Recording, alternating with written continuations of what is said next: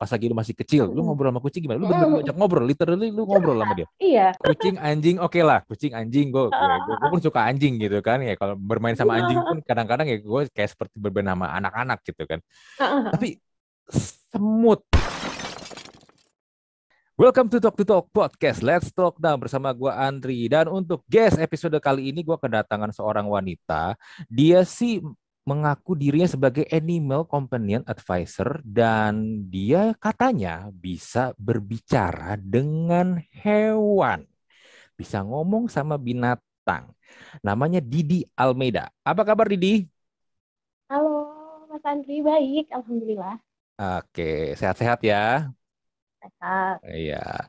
Tadi pas lagi gua ngobrol sama Didi, pas gua ngundang dia, dia bilang dia lagi isoman soalnya, berarti lagi positif ya kemarin ya? Udah selesai. Udah selesai. Oh, selesainya tuh kemarin, negatifnya baru kemarin banget. iya, memang lagi banyak yang kena soalnya nih. Circle terdekat gue juga banyak yang kena, gila banyak banget. Tiap hari oh, ada gitu. aja, iya ada aja oh. yang kena.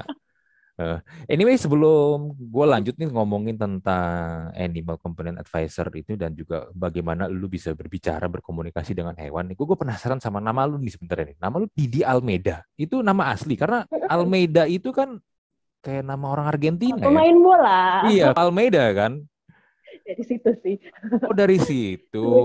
uh, itu nama pena. Nama hmm. aku, nama asli aku dia. Cuman hmm. emang panggilannya Didi kan dari dulu. Terus hmm. aku bikin buku mas, bikin ada tiga buku nih kucing yang bisa bicara. Oke. Okay. Tuh, nah ini semua. Uh, jadi waktu itu kan emang ditawarin nih kebetulan waktu itu penerbitnya GPU. Waktu oh. itu editor aku bilang mau pakai nama siapa nih aku aku bilang aku tetap mau pakai nama Didi karena memang uh, panggilan sehari-hari gitu kan hmm. terus belakangnya apa? Oh ya udah deh. Waktu itu uh, aku juga lupa gimana terus dia bilang nih lucu nih Almeida dari si pemain bola itu. Hmm. oh ya udahlah hmm. kita pakai aja gitu.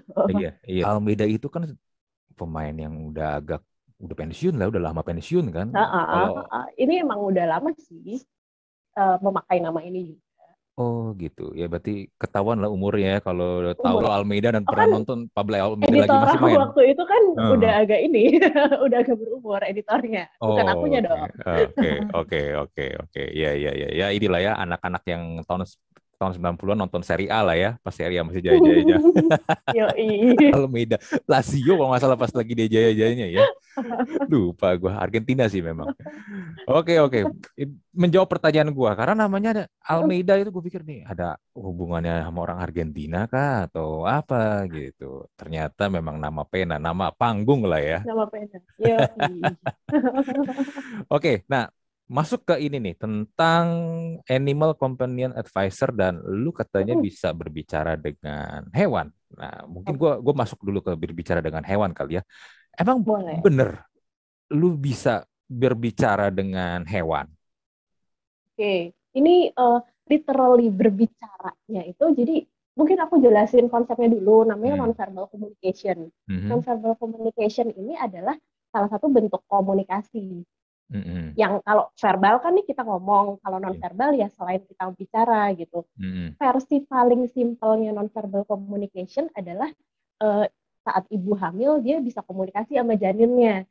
Ibunya stres, terus janinnya kontraksi misalnya. Nah itu adalah salah satu contoh non verbal communication. Mm-hmm.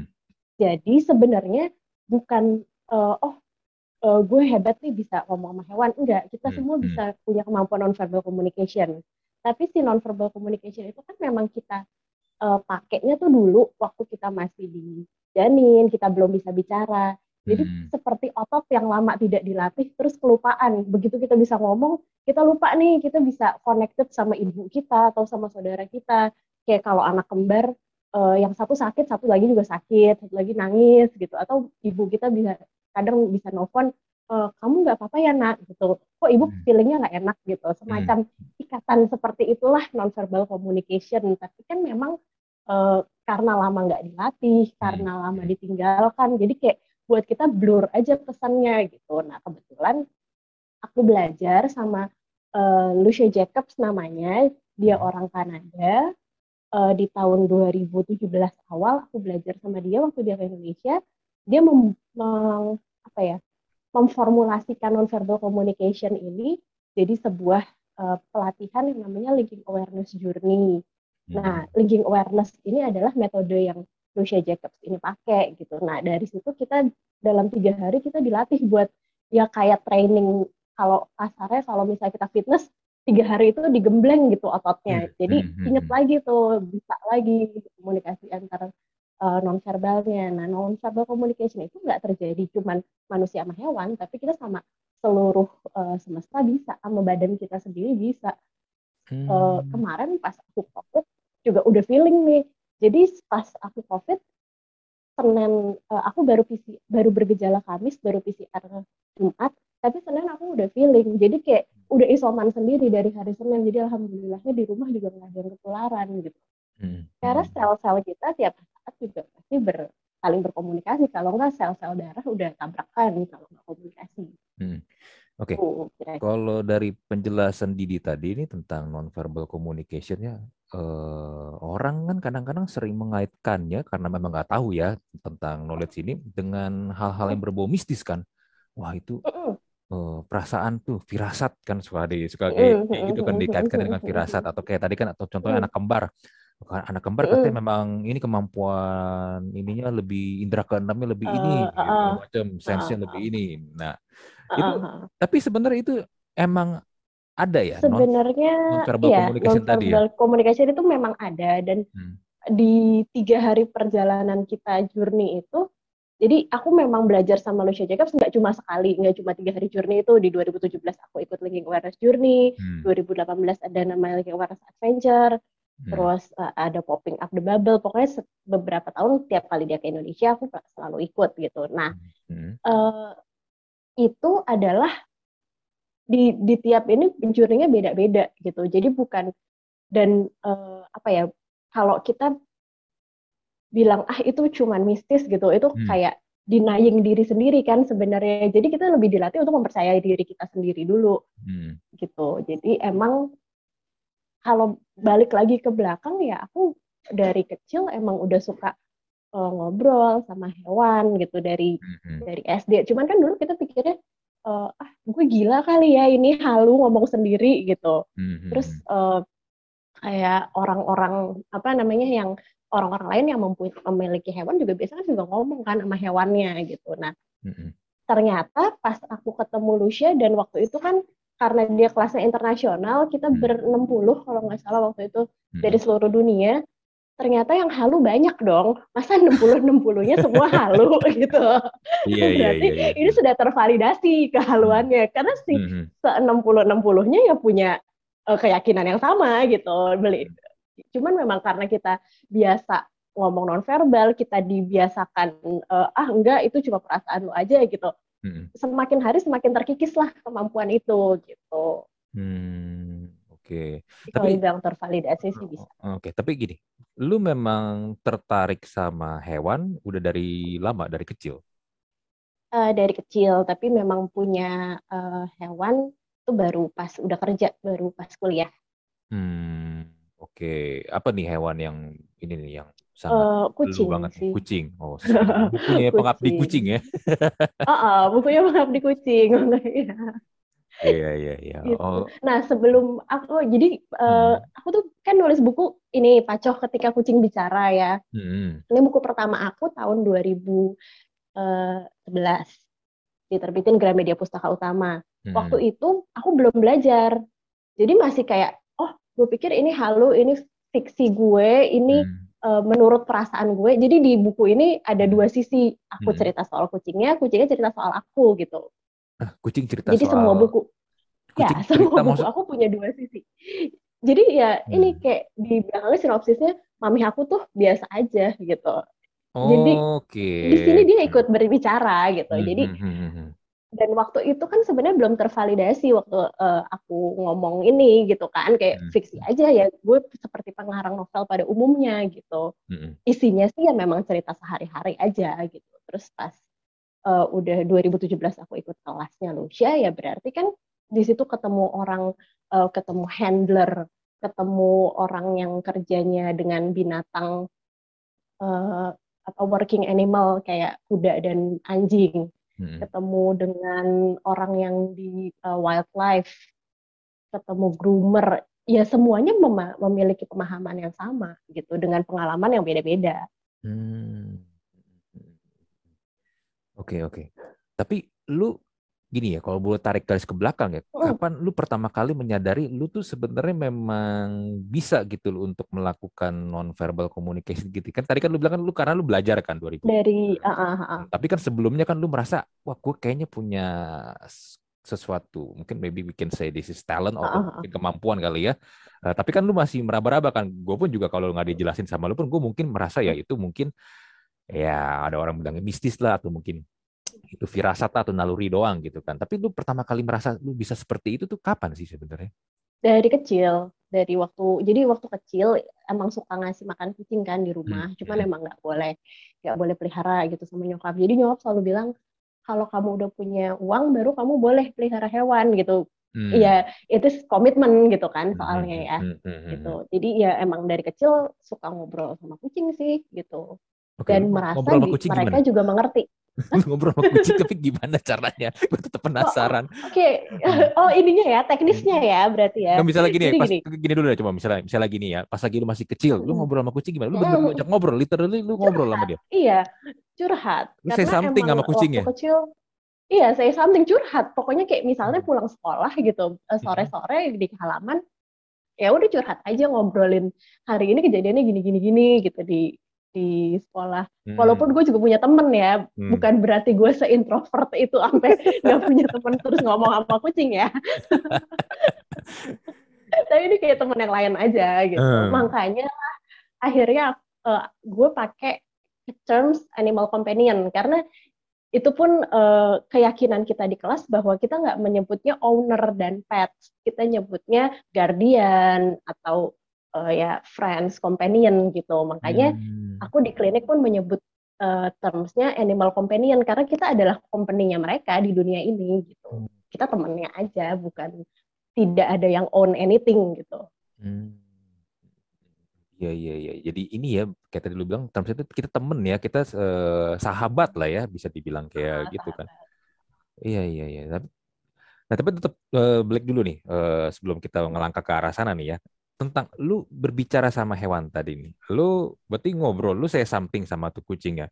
Tapi kan uh. ya gini lah, anggaplah gue lah ya, anggaplah gue, uh. gua mungkin gue ngobrol sama kucing atau sama anjing gitu. Tapi kan mereka meresponnya apa kan gue juga nggak tahu kan feedbacknya ya iya feedback ya kan jadi gini kalau misalnya versi paling simpelnya itu tiap hari kita tahu kapan uh, kucing kita lapar biasanya sih owner uh, apa uh, animal companionnya udah tahu kapan hmm. kucingnya lapar antara ngeong minta makan atau ngeong pengen pipis tuh biasanya udah tahu walaupun itu memang karena kita emang ada bondingnya gitu hmm, tapi ya hmm, itu sebenarnya sudah terjadi proses komunikasi jadi kan proses komunikasi itu ada uh, pengirim pesan, ada pesannya, ada penerimanya gitu kan. Mm-hmm. Selama si pesan itu bisa kita terima, berarti itu prosesnya udah terjadi.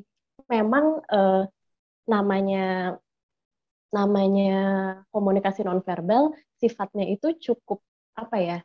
Cukup uh, subtle gitu, uh, sangat halus mm-hmm. pesannya. Jadi mungkin kita kadang ya ya kayak feeling feeling itu kan kalau kita eh, nggak uh, percaya ya udah kita acuhin aja gitu nah hmm. termasuk kalau misalnya feedback dari si hewan ke kita itu bentuknya uh, emang bisa macam-macam kenapa aku ikut kelas dan akhirnya bisa mendapatkan pesan dengan clear hmm. karena di situ diajarin kita uh, gimana step by stepnya nge, nge menerima feedback dari mereka yang bentuknya itu uh, seperti perpanjangan indera kita jadi bisa aja kita denger tapi dengernya nah kita sebutnya uh, subtle sense atau indera halus hmm. indranya sama sama seperti kita tapi hmm. tidak secara indera kasar jadi kalau kita sekarang ngomong verbal aku bisa menerima feedback uh, dari kuping gitu hmm. tapi ini ada perpanjangan indera kita yang kayaknya gue denger dia ngomong gini deh gitu hmm. atau uh, gue melihat dia mau ngirimkan ada gambaran apa gitu. Nah itu memang uh, akan jadi kalau dulu waktu sebelum belajar kan aku nggak tahu jadi kayak oh kayaknya dia lapar deh gitu sesimpel itu atau kayaknya dia sakit gitu. Cuman dapat feelingnya aja gitu. Nah setelah um, menjalani proses belajar ternyata itu kayak gimana kita kayak main puzzle gitu. Kadang dalam bentuk gambar, kadang bentuk suara, kadang dalam bentuk uh, perasa, peraba, kadang feeling gitu. Itu nanti semuanya aku aku rangkum untuk dapat jawaban. Hmm. Jadi sebenarnya bisa disimpulkan this is a proses ya ketika lu membangun hubungan dengan hewan peliharaan lu ya misalnya ya uh, pets lu ya. ya, tapi kan gini, kadang-kadang sometimes kan melihat saya bisa gini, anjing lah ya. Anjing kan mungkin kadang-kadang ada beberapa anjing itu ketika kita belum ketemu sama dia, misalnya kita mau ngambil dia nih buat buat jadi itu tadi kan lu menyebutnya sebagai companion kita lah ya. Kan dia gak kenal kita nih. Kadang kan dia ada anjing kan yang galak kan. Ada anjing tuh yang oh, pokoknya kalau dia yang asing sama nih orang, dia inilah pasti nyalak mulu, gonggong mulu atau mungkin kadang-kadang bisa ngegigit kan tergantung juga jenis anjingnya kan. Nah, itu kalau melewati prosesnya itu kalau misalnya lihat segini deh, gue gue bukan profesional ya, mungkin gue nggak kayak lu lah ya. Tapi gue gimana caranya supaya gue bisa menjalin komunikasi dengan anjing ini nih? Jadi emang menariknya hewan adalah karena mereka tidak berkomunikasi secara verbal antar mereka pun, maksudnya hmm. nggak nggak ngomong kayak kita, hmm. jadinya uh, mereka cenderung lebih pure dan udah terbiasa dengan uh, kayak misalnya detak jantung kita, itu kan detak jantung kita mengkomunikasikan apa yang kita rasakan. Mm-hmm. Atau eh, tekanan darah kita gitu. Kayak kita ketakutan sama anjing makin lama makin deg-degan, makin keringat dingin. Ya anjingnya juga makin tahu kalau kita ada something gitu. Nah, di situ mereka meng- mengartikannya mungkin orang ini nggak bisa dipercaya gitu. Jadi yang penting adalah sama semua hewan dan uh, ya sama semua hewan atau mungkin bayi gitu hmm, hmm, yang hmm. penting kita merasa nyaman kita tulus kita punya niat yang baik gitu karena mereka lebih sensitif biasanya sama niat-niat jahat atau uh, sama perasaan kita gitu. hmm oke okay, oke okay. berarti harus dari kita dulu ya kalau tadi lu bilang kalau kitanya, kitanya udah udah takut sama anjingnya anjingnya justru quote unquote jadi malah ada apa nih? Gitu iya, kan. iya. atau atau malah dia jadi lebih nyolot gitu jadi lebih berani ya. bisa bisa. Uh, uh, uh, bisa. Karena dilihat bisa wah ini, ini manusia uh, takut nih sama gua nih. Mungkin aku ada cerita lucu. Ya dulu waktu hmm, hmm. pertama hmm. kali uh, praktek. Ini masih di kelas. Aku uh, prakteknya sama kuda waktu itu. Aku kan nggak pernah ketemu kuda dan ini hmm. kuda kuda ini yang gede banget gitulah pokoknya kuda kuda gede banget dan aku deg-degan, keringat dingin segala macam, takut ditendang dan itu waktu itu kasusnya kudanya kudanya akan gigit siapa pun yang lewat depan kandangnya. Jadi kan takut banget ya hmm. untuk ngedeketin aja aku udah takut gitu. Hmm, hmm, hmm. Terus ternyata nah jadi memang di setiap proses uh, komunikasi ini dalam sesi aku dan sesi yang kita uh, diajarkan caranya hmm. ada yang namanya permission atau consent gitu. Jadi nggak bisa sembarangan uh, oh gue bisa nih komunikasi sama si kucing ini ya udah gue ngobrol aja langsung enggak tapi ada proses permission dari uh, si orangnya yang biasa handle dia hmm. ada dari hewannya dan ada dari aku sendiri kalau akunya sendiri tidak siap mereka juga akan sensing itu bahwa ada apa nih ada apa nih gitu jadi hmm. secara secara uh, saat itu kan aku tidak siap karena aku takut hmm. secara fisik aku takut sama kudanya kudanya sendiri yang bilang uh, kayak calm yourself dulu terus jadi ada salah satu teknik aku belajar beberapa teknik healing teknik juga kan justru si kudanya yang membimbing aku untuk breathing teknik untuk tarik nafas setelah tunggu, kuda tunggu, tenang, tunggu, tunggu. Gimana gimana caranya kuda membimbing lu supaya lu jadi lebih tenang tarik nafas tuh gimana caranya kuda itu ngomong? jadi ya, ya ada pesan yang kan aku masih deg-degan gitu masih deg-degan uh, uh, uh, terus abis itu uh, jadi ada namanya uh, permissionnya nggak dapet sama hmm. kayak kalau misalnya kita mau uh, ke psikolog tapi kita ini menurut gue nih orang ini nih nih orang punya gangguan mental nih yuk gue bawa gue gerak ke psikolog terus ternyata dia jerit-jerit di depan uh, di depan kantor psikolognya gitu nah si hmm. kudanya itu semacam itu tapi dia uh, pesannya adalah uh, dia tidak memberikan permission untuk aku terapi uh, kamu terapi diri sendiri dulu gitu. Hmm. Pesannya seperti itu.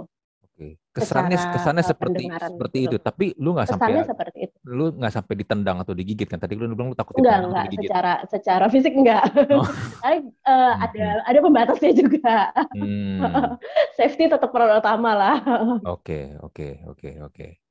Oke, berarti tetap ya, berarti memang kayak tadi lu bilang ada harus ada permission dan harus ada consentnya juga dari masing-masing pihak ya, entah mungkin yang memang si pu yang biasa yang handle, uh, lalu hewannya itu sendiri sama elunya sendiri yang ingin ingin ya, yang ingin approach dengan hewan ini ya. Agak agak mirip manusia juga ya sebenarnya ya.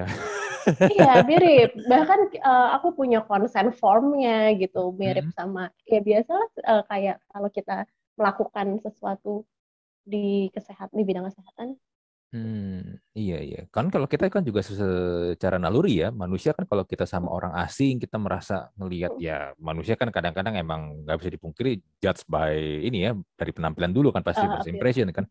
Kalau kita dari first impressionnya aja udah ah ini kayaknya orang nggak males, ini, gitu ya. males malesin nih kayaknya nggak asik nih orang nih.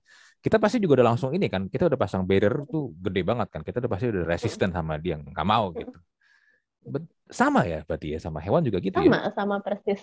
Dan mereka kadang lebih sensitif karena emang kalau kita kan ketemu orang ya udah tiap hari gitu. Mereka ketemu orang asing ya mungkin nggak tiap hari. Jadi hmm. begitu ada orang asing ya udah langsung dinilai nih gitu. Di assess ada apa nih orang ini datang gitu. Hmm. tapi sejauh ini sih selama kitanya tulus kita jelasin baik-baik maksud kita gitu. Mereka sih mau-mau aja.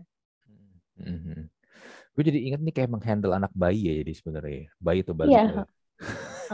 sama kayak nggak mau kan or, uh, bayinya kalau digendong uh, dengan kon tanpa konsennya dia atau ya mungkin ibunya nggak enakan gitu tiba-tiba hmm. banyak yang banyak yang datang gitu oh ya udah deh nggak apa-apa hmm. anak gue digendong tapi ibunya nggak ikhlas gitu hmm. bayinya nangis kan iya, ya iya. seperti itu betul betul betul betul Oke, menarik ya. Ternyata berkomunikasinya itu mirip seperti kita sama manusia juga sebenarnya, tapi dengan yeah. of course uh, caranya aja yang berbeda mm -hmm. ya. Hmm. Iya iya iya. Nah, lu sendiri ketika lu menjalani karir lu nih sebagai animal animal companion advisor nih, gue sebenarnya penasaran kenapa dari segala macam pilihan lu memilih menjadi animal component advisor? Emang karena lu bener suka sama hewan kah? Atau apa sih? Dan apakah ketika lu menjalani ini ya gak bisa dipungkiri ya gue gue sih nggak gue sih nggak munafik ya. Secara pendapatan oke okay gak sih? Makanya lu bisa mau terjun di sini secara serius full full time di sini. Oke okay, jadi uh, awalnya itu kenapa bisa ada di sini, kenapa ada di klinik ini, karena hmm. emang yang waktu itu ownernya uh, punya emang teman gitu, dan dia juga hmm. percaya dengan hal ini gitu. Jadi dan hmm. ini termasuk uh, salah satu dari sedikit dokter hewan yang percaya gue nggak halu. sebelum sebelum gue ada di sini kan ya gue klien gitu, gue cerita nih uh, kucing gue nggak mau makan nih dia lagi ngambek gitu. Hmm. Oh, uh, waktu karena sebelumnya kan aku wartawan ya, jadi yeah, yeah. tiap kali gue liputan keluar kota tuh si Zuma tuh suka ngambek nggak mau makan gitu. Terus ntar nanti sama nyokap dibisikin, iya bentar lagi pulang gitu. Kayak hmm. pesawat gue baru sam baru berangkat dari kota mana tuh dia udah mau makan gitu. Guanya belum sampai, baru dibisikin aja sama nyokap. Hmm. Hari ini pulang ya gitu hmm. udah langsung berhenti ngambeknya gue tuh bilang itu ke dokter gue dan kok mereka mau maunya percaya gitu kan hmm. ini sebelum pas gue masih jadi klien gitu terus hmm. uh, setelah itu pas gue udah belajar gue bilang ya udah gue aja yang belajar jangan kalian karena gue juga biar bagaimanapun gue menghindari kalian kayak ntar pas mau nyuntik terus tiba-tiba kucingnya enggak aku nggak mau disuntik terus jadi ngeganggu konsentrasi secara profesional gitu kan hmm, hmm, gue bilang hmm. gue aja yang belajar gitu nanti gue praktek di sini gue bilang gitu. terus hmm. ya udah mereka setuju dari 2017 April itu gue mulai pertama kali praktek dan uh, ya ada aja sih yang mau dan lumayan banyak karena gini di, di klinik ini kita percaya kalau uh, proses penyembuhan terjadi secara holistik jadi secara menyeluruh hmm. nah kalau misalnya uh, tapi bukan berarti semua yang sakit terus langsung gue sesi ya enggak gitu cuman yang misalnya uh, dokternya ada yang merasa ini penyebabnya setelah dia melakukan serangkaian assessment udah melakukan serangkaian treatment juga hmm. oh ini kayaknya bukan uh, secara fisik nih tapi ada secara psikis sesuatu yang dia uh, tidak nyaman hmm. bisa disupport dengan apa baru bilang ke gue barulah gue melakukan sesi dan uh, kurang lebih kayak uh, ya itu melakukan komunikasi dengan hewan ini kamu kenapa sih gitu ada hmm. apa yang hmm. bisa aku support dari sisi uh, selain medisnya gitu oh hmm. ternyata dia stres di rumahnya baru pindah rumah gitu oh ya udah itu nanti nah kenapa advisor karena aku ada jadi jembatan nih antara aku uh, manusia dan hewan aku ada di tengah-tengah jadi aku ngasih tahu kamu kok ini uh, misalnya nggak bisa pipis nggak bisa pipisnya udah diobatin nggak sembuh-sembuh berulang terus berarti kan ada sesuatu yang perlu kita evaluasi nih di rumah hmm. kita tanyain si uh, orangnya apakah ada yang berubah di rumah dan kita tanyain si hewannya apakah ada yang bikin kamu stres sampai ini kambuh-kambuh terus gitu oh ternyata dia ngasih tahu uh, dia nggak suka litter boxnya gitu atau dia nggak suka ada kucing baru di rumah gitu nah biasanya hmm. stresornya itu kita hilangin hmm. dengan tanpa meninggalkan treatment secara medis juga jadi memang semuanya harus uh, kerjasama sih gitu Hmm. Oke, oke, oke. Jadi secara ini, oh hmm. kalau tadi secara uh, apakah menguntungkan? Nggak bisa dipungkiri ya sudah pasti dari 2017 sampai 2022 nggak berhenti berhenti ya pasti menguntungkan. iya, iya, iya. Gue gue juga ngeliat gini, kayak tren makin ke sini orang tuh makin ini ya, makin makin banyak, makin banyak yang punya hewan peliharaan dan memang jadi lifestyle sih. Kalau dulu mungkin ya kalau gue ngeliat kalau teman-teman gue atau mungkin siapa gitu yang pelihara hewan peliharaan itu ya memang sebenarnya buat ada temen aja atau memang karena demen aja. Tapi kalau yang gue belakangan sekarang jadi lifestyle sih. Iya, apalagi pas pandemi kemarin itu meningkat banget. Hmm, hmm, hmm. Nah tapi gini, ngomong-ngomong tentang lifestyle ya, gue kadang suka ngeliat ada beberapa hewan gitu kayak anjing gitu atau kucing suka dipakein baju, baju kayak jadi mau dimirip-miripin kayak bayi gitu, kayak boneka, kayak manusia gitu itu sebenarnya boleh nggak sih kalau secara ini ya kalau secara kesehatan hewan atau medis gitu ya kalau saya seekor anjing dipakein baju atau kadang-kadang dipakein sepatu kan? Sepatunya kecil-kecil gitu empat empat biji itu ditaruh di kakinya gitu.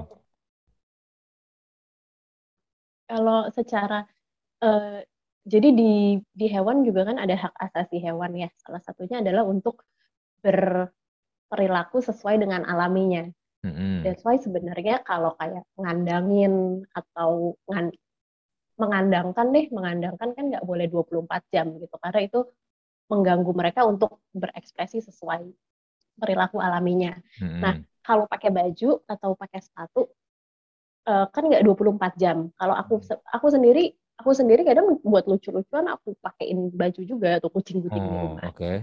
gitu. Mm-hmm. Selama mereka kasih permission gitu okay. dan nggak lama-lama hmm. gitu. Nggak nggak mengganggu perilaku alaminya lah uh, sejauh ini sih kucing-kucing aku nggak apa-apa ya karena hmm. biasa aku jelasin gitu uh, ini pakai baju dulu uh, eh, gue mau foto-foto nanti abis ini gue kasih snack deh gitu. Terus mereka uh, oh ya udah uh, mau mau gitu kan. Hmm, hmm, hmm, itu selama ada uh, ininya rewardnya biasa sih mau mau aja kalau kucing aku ya. Kalau yang lain ya aku juga nggak tahu Oke, ya, ya. Berarti sebenarnya nggak masalah ya kalau dipakai baju gitu hmm, atau aksesoris gitu. selama, gitu. Uh, selama nggak, ya selama mereka pertama ngasih permission, hmm. kan kalau nggak ngasih permission juga kelihatan ya secara secara kasar pasti ngamuk gitu. Hmm. Hmm. Tapi kalau mereka terlihat nyaman-nyaman aja dan nggak selamanya pakai baju, ya pasti kalau menurut. Hmm, hmm. Nah selama perjalanan lu sebagai ini nih animal companion advisor, lu sudah menemukan berapa banyak binatang kalau lu yang lu ingat nih? Hmm. Jenis ya, jenis binatangnya ya? Oh jenis, hmm. oke. Okay. Kalau jenis karena emang kita prakteknya waktu itu, kalau di kelas tuh prakteknya sama seluruh alam semesta, jadi ada semut, ada uh, di Kalimantan sama orang hutan dan seluruh si hutan di Kalimantan itu. Hmm. Serangga ya, semut, laba-laba, pohon juga sering, nggak cuma hewan doang. Oke, semut. Nah, ini, ini gue, gue gini, gue tetap gue orang awam ya. Gue masih seru banget. gue, gue masih tetap, gue masih tetap ini nih. Uh, pikiran gue otakku masih belum bisa masuk semua ngerti, nih. Ngerti ngerti. Kalau kucing kalau kucing kalau, kalau kucing anjing oke okay lah kucing anjing gue gue, gue pun suka anjing gitu kan ya kalau bermain sama anjing pun kadang-kadang ya gue kayak seperti bermain sama anak-anak gitu kan. Tapi semut oke okay semut semut itu kan kecil ya. Kadang-kadang kalau kita merasa ah, mengganggu banget kan orang suka diteplak, dimatiin kan atau atau diusir kan. Tapi how to communicate with ants? Semut gitu loh. Semut aja misalnya di tembok nih. Di depan gue ada tembok nih. Dia kalau mau jalan lagi, jalannya kan suka ya seenak dia aja, dia jalan-jalan aja. Jadi itu hebatnya uh, Animal Kingdom ini mereka punya wisdomnya sendiri-sendiri ya. Hmm. Jadi mereka sudah mengerti, sudah paham dan menerimo gitu. Hmm. Oh takdir gue emang seperti ini gitu. Jadi kayak semut kalau ditanya, kan kalau di kelas kita suka praktek sama uh, hewan gitu. Sem semut itu biasanya kayak yang paling ditakutin adalah keinjek. Uh, iya, gitu. Betul. Hmm. Nah, terus mereka tuh sangat menerima bahwa ya udah memang takdirnya gue dilahirin sekecil ini dengan manusia di sekeliling gue. Kalau gue mati keinjak ya gue ikhlas nerimanya. Emang ini takdir gitu. Jadi kenapa gue bisa sampai komunikasi sama semut? Waktu itu memang ada semut yang lagi pindah sarang gitu. Gue gue bilang e, jangan pindah ke sini jangan pindah ke dalam rumah. Karena hmm. waktu itu pohonnya ditebang. Hmm. itu memang kesalahan kesalahan kita menebang pohon yang dalamnya ada sarang semutnya. Jadi kan langsung keluar, langsung entah ke mana-mana kan. Hmm, hmm. Terus waktu itu gue bilang jangan kalian boleh uh, bikin sarang di mana aja di halaman, tapi jangan masuk ke rumah gitu. Karena kesian juga kalau ke rumah nanti ya dibasmi juga gitu. Konsekuensinya ada. Kita nggak bisa manipulasi hewan, tapi kita selalu bisa negosiasi gitu. Di sini akan ada seperti ini, kalau hmm. kalian bisa di sini, uh, pilihannya seperti ini gitu. Nah terus semut-semut itu ya akhirnya ya uh, akhirnya ya enggak apa mereka bilang kayak tiga hari tunggu tiga hari ya karena hmm. emang sarangnya itu lumayan gede dan bala tentaranya banyak gitu. Jadi mereka tiga hari hilang dari daerah rumah gue ya mungkin mereka akhirnya nyarang di entah pohon mana yang baru gitu. Dan okay. hmm. ya itu hmm. bisa gitu komunikasi sama semut pun. Oke, lu udah kayak Ant-Man lu sebenarnya. Suruh ketemu ratunya gitu ya. Iya, lu udah lu udah kayak Ant-Man lu. Jangan-jangan lu bisa join Avengers sebenarnya bisa mengendalikan, mengendalikan semut. Oke, lu pernah ini nggak ketemu dengan hewan-hewan yang berbahaya lah, buas lah ya mungkin bisa lebih tepatnya dibilang hewan buas lah atau kayak kayak ular atau singa harimau gitu pernah lu menghandle hewan-hewan kayak gitu hmm, kalau yang ini sih ular peliharaan aja sih paling hmm. ular tebu hmm. tebu tuh yang kayak apa kayak kayak biawak yang lagi jadi sempat ngetren juga tuh di kalangan reptil hmm. hmm. terus nah uh, hewan-hewan berdarah dingin ini sih sepengalaman gue memang tidak seekspresif hewan peliharaan ya karena hmm. mereka memang uh, entah hewan kalau di Kalimantan kan kayak si orang utan gitu ya mereka wild jadi lebih sehari-harinya tuh tidak terdomestikasi kayak anjing atau kucing emang beda ininya juga uh, hmm. cara komunikasinya gitu hmm. dan ya paling gitu-gitu aja sih nggak nggak banyak kalau kayak kucing anjing yang udah biasa dimanja kan kadang suka ada permintaan atau apa hmm. kalau mereka sih enggak mereka ya kayak yang tadi gue bilang sih kayak semut lebih nerimo lebih ya si ular uh, dia cuma ya menjalani hidupnya gitu-gitu aja gitu nggak yang banyak menuntut apa atau apa gitu sih hmm, hmm, hmm.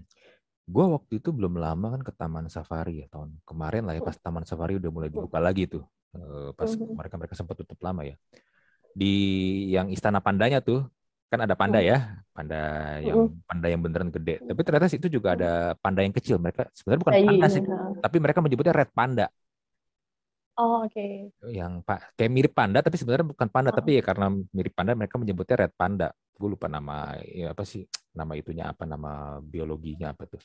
Nah, tapi hmm. si yang jagainnya bilang kalau red panda ini kalau kasih makan boleh, tapi kalau mau dipegang, kita manusia hmm. pegang, nggak boleh. Even dia pun yang ngajagain pun nggak boleh pegang dia. Karena kenapa? Kalau ketika dia udah dipegang sama manusia, itu bisa membuat sifat liarnya dia, sifat alam alaminya dia itu jadi hilang. Dia jadi merasa jadi kayak hewan peliharaan. Dan katanya kalau dari hmm. sana mereka nggak mau, mereka pengen tetap sirat panda ini tetap hmm. seperti hewan liar lah ya, maksudnya hewan yang memang hidup di hutan gitu. Walaupun memang sebenarnya mereka kan di taman safari penangkaran lah sebenarnya kan ya. Itu memang benar ya kayak gitu ya? Karena memang kan uh, kayak kucing sama anjing, anjing kan dulunya juga kawanan serigala gitu, uh, yang kemudian dijadiin hmm. teman sama manusia dan akhirnya hmm. jadi kerjasama sama manusia gitu. Ya memang seiring berjalannya waktu dan semakin banyak mereka interaksi akan semakin banyak uh, mereka terpengaruh dan jadi apa ya jadi semakin jinak lah ya. Hmm. Hmm. hmm. hmm Oke. Okay. Jadi ada hubungannya ya kalau kita sebagai manusia sering menyentuh mereka, mereka jadi merasa ya udah nih berarti gue hmm. ada yang ngasih makan ada lah ya. bonding. Iya, iya, iya, iya. Ya sama aja kayak anjing juga kan. Hmm. Ya an kayak anjing galak lama-lama kalau kita tiap hari kasih makan, kita tiap hari hmm. komunikasi, lama-lama juga akan jinak. Gitu. Hmm. Iya, iya. Lucu sih itu red panda itu kalau salah red panda tuh salah satu hewan juga yang ini ya, yang hampir punah ya kalau salah. Ya. Gue iya. belum lihat sih, belum sempet ke Wah, taman safari lagi nih. Lu, lu harus ke sana. Itu lucu banget sih red pandanya. Karena sama-sama dari China juga katanya kan. Kalau yang panda ah, gedenya kan. Iya itu dari China. Uh, kalau yang panda gedenya kan ya kita nggak bisa deketin lah ya karena kan dipasangin uh. kayak pembatas kaca gitu kan. Kita cuma bisa lihat dari luar uh. doang gitu. Ya, tapi kalau yang red panda itu bisa kita lihat dari deket tuh.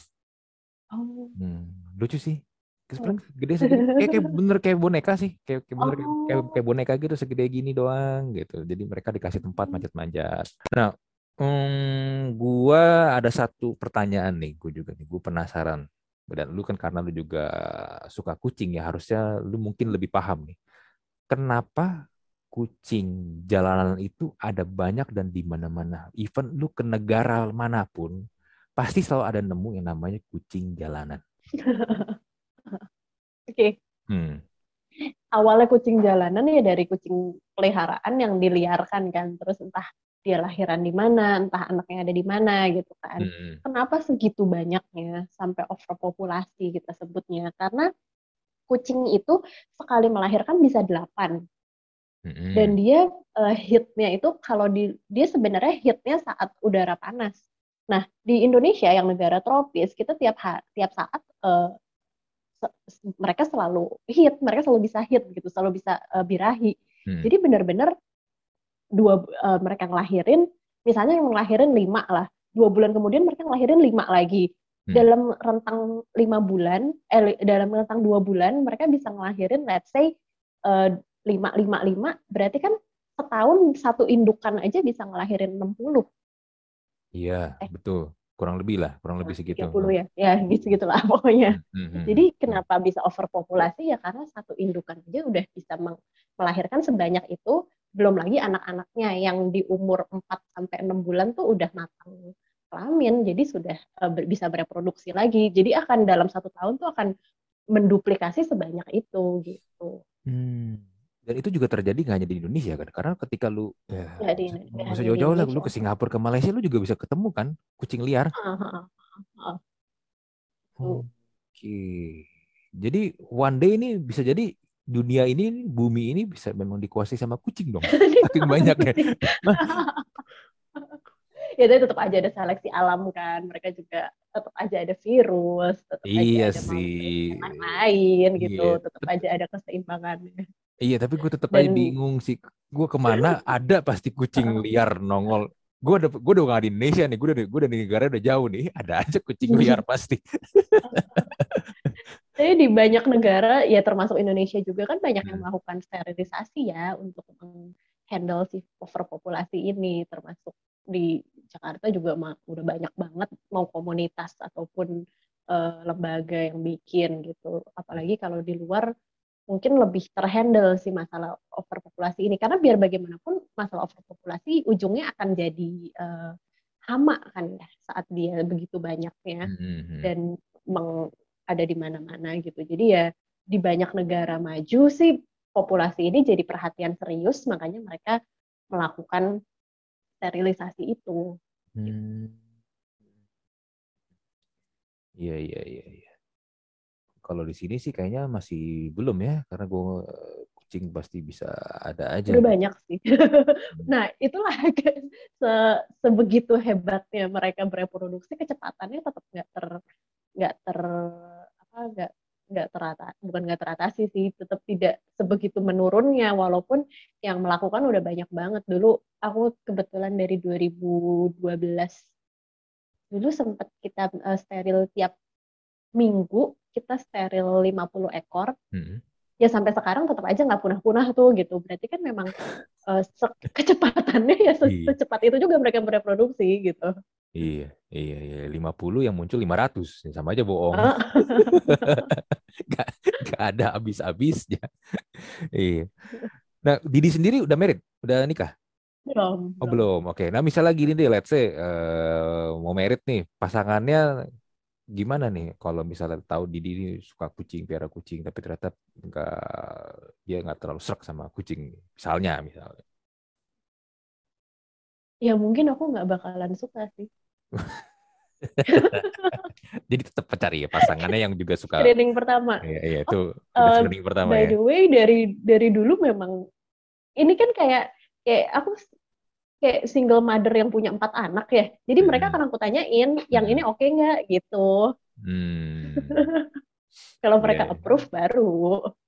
Iya iya iya iya ibaratnya inilah ya sebelum mulai mau menjalin hubungan nih, gue udah punya anak nih, lu mau gak terima uh, anak gue. Udah ada bawaan.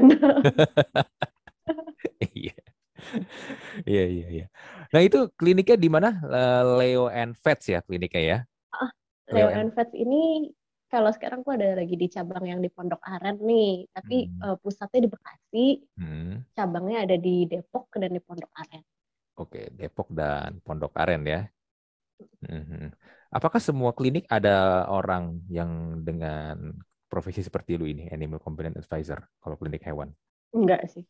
Enggak ya? Enggak. Dan dulu juga kayaknya yang di 2017 itu kayaknya percaya sama gue dokter hewan juga dikit. Hmm. Karena memang nggak memungkiri kalau dokter kan biasa berpikir dengan otak logisnya ya. Iya, Jadi karena, pasti karena ilmiah kan, ilmu ilmiah. Auto, kan? iya. Ha, ha, ha. Hmm. Dan di di kelas tuh kan separohnya juga dokter hewan ya waktu itu. Jadi ya hmm. emang sesulit itu buat mereka juga untuk mempercayai bahwa oh benar ya seperti ini, oh ternyata benar ya selama ini. Jadi kalau dokter hewan tuh biasanya mereka mikirnya uh, kalau mereka ragu-ragu mau menghandle sesuatu hewan, hmm. ternyata hewannya juga jadi galak gitu. Tapi kan mereka selama ini mikir ah perasaan gue aja gitu. Nah hmm. ternyata pas di kelas uh, mereka bisa mendapatkan validasi bahwa itu oh memang berkaitan. Hmm, oke. Okay. Berarti bisa dibilang profesi lu ini, gue ngomong di Indonesia ya konteks saya, hmm. ini profesi yang belum banyak dong ya, langka dong sebenarnya profesinya. Uh, makin hari sih makin banyak ya sekarang dengan kemudahan online kelas dan lain-lain gitu. Hmm. Walaupun ya beda-beda kan orang bisa belajar. Jadi di kalau dari Lucia sendiri dulu dia cerita di Kanada ada 80-an pengajar buat uh, segala macam metode animal communication animal communication gitu jadi sebenarnya sih ya banyak banget di seluruh dunia ini gitu. cuman ya balik lagi ke mungkin orang ada yang percaya ada yang enggak mungkin hmm. ya macam-macam lah karena kita kan uh, beda-beda ya cara berpikirnya hmm. betul betul karena bisa dibilang sih ya kalau ini opini gue ya ini bukan sesuatu yang common juga sih gue pun kalau kemarin nggak denger lu jadi itu ya diundang sama Jak iya. FM pun gue mungkin nggak tahu gitu uh, tentang begini-begini karena ya secara pop culture ya kita kan taunya yang bisa ngomong sama bicara dengan hewan itu kan kalau nggak Tarzan ya Dokter Dolittle ya kan atau itu tuh yang waktu itu meninggal karena disengat sama pari siapa tuh yang orang Australia uh, itu Irvin apa Steve lupa gue namanya. Steve Irwin kan? Ya Steve Irwin, Steve Irwin bener Steve -huh. Irwin ya kan paling kan yang kita tahu yang terkenal kan itu kan gitu tapi ternyata untuk benar-benar profesi seriusnya yang bukan hanya sekedar entertainment atau masuk TV pun ada ya jadi sebenarnya ya. Hmm, hmm. Iya, iya, iya. Ya mungkin buat Anda yang dengerin podcast atau nonton podcast episode ini, kalau mungkin punya hewan gitu kan, pengen lebih mengenal hewannya dan nggak tahu gitu kan, lu mungkin nggak tahu gimana cara lebih mengenal hewannya, mungkin dari Didi nih bisa membantu nih supaya ini ya tujuannya yang pasti yang pasti sebenarnya kan untuk supaya bonding antara bonding. manusia dan hewannya ini yang jadi lebih kuat kan ya. Betul. Hmm, iya. Betul betul betul betul. Ya nanti kalau ada yang pengen nanya-nanya lebih jauh mungkin bisa langsung ke Instagramnya Didi nih di at Didi ini ya at Didi Ahayu, Ahayu. Nanti linknya gue juga taruh di description nanti bisa langsung klik di situ bisa tanya-tanya dia DM dia lah. Gue DM dia kemarin gue DM bentar langsung dibalas cepet kok. Kebetulan ya. Itu kebetulan udah selesai isoman ya. Oh gitu. Iya jadi siapa tahu kan ini kan butuh konsultasi atau mungkin pengen uh, atau ke klinik langsung juga iya bisa ke kliniknya langsung di, bisa. at uh, Instagramnya at Leo. Iya, at Leo. Enter gue juga taruh di itu ya di description-nya untuk Instagram Leo and ya. Jadi yang punya hewan nih ya biar inilah ya biar sekali lagi biar bisa lebih mengenal dengan hewannya dan hewannya juga bisa lebih nyaman dengan ini ya dengan manusianya ya. Oke Didi, thank you banget buat berbagi ilmunya di sini, berbagi informasi. Ini sih gue bisa bilang ini ilmu yang baru banget sama, buat sama, buat gue. Ya, it is nice talking to you. Dan semoga ini ya, semoga orang-orang makin aware dengan hewan dan bisa menjadi teman ya, nggak hanya sekedar peliharaan doang kalau kata Didi tadi kan. Iya betul. Thank you so much juga Mas Andri udah mengundang aku Iya. Talk to Talk. Iya, sama-sama loh. Oke, gua close untuk Talk to Talk podcast episode kali ini. Gua Andri dan Didi Almeida. Mohon pamit, kita jumpa lagi di Talk to Talk podcast episode berikutnya. Bye.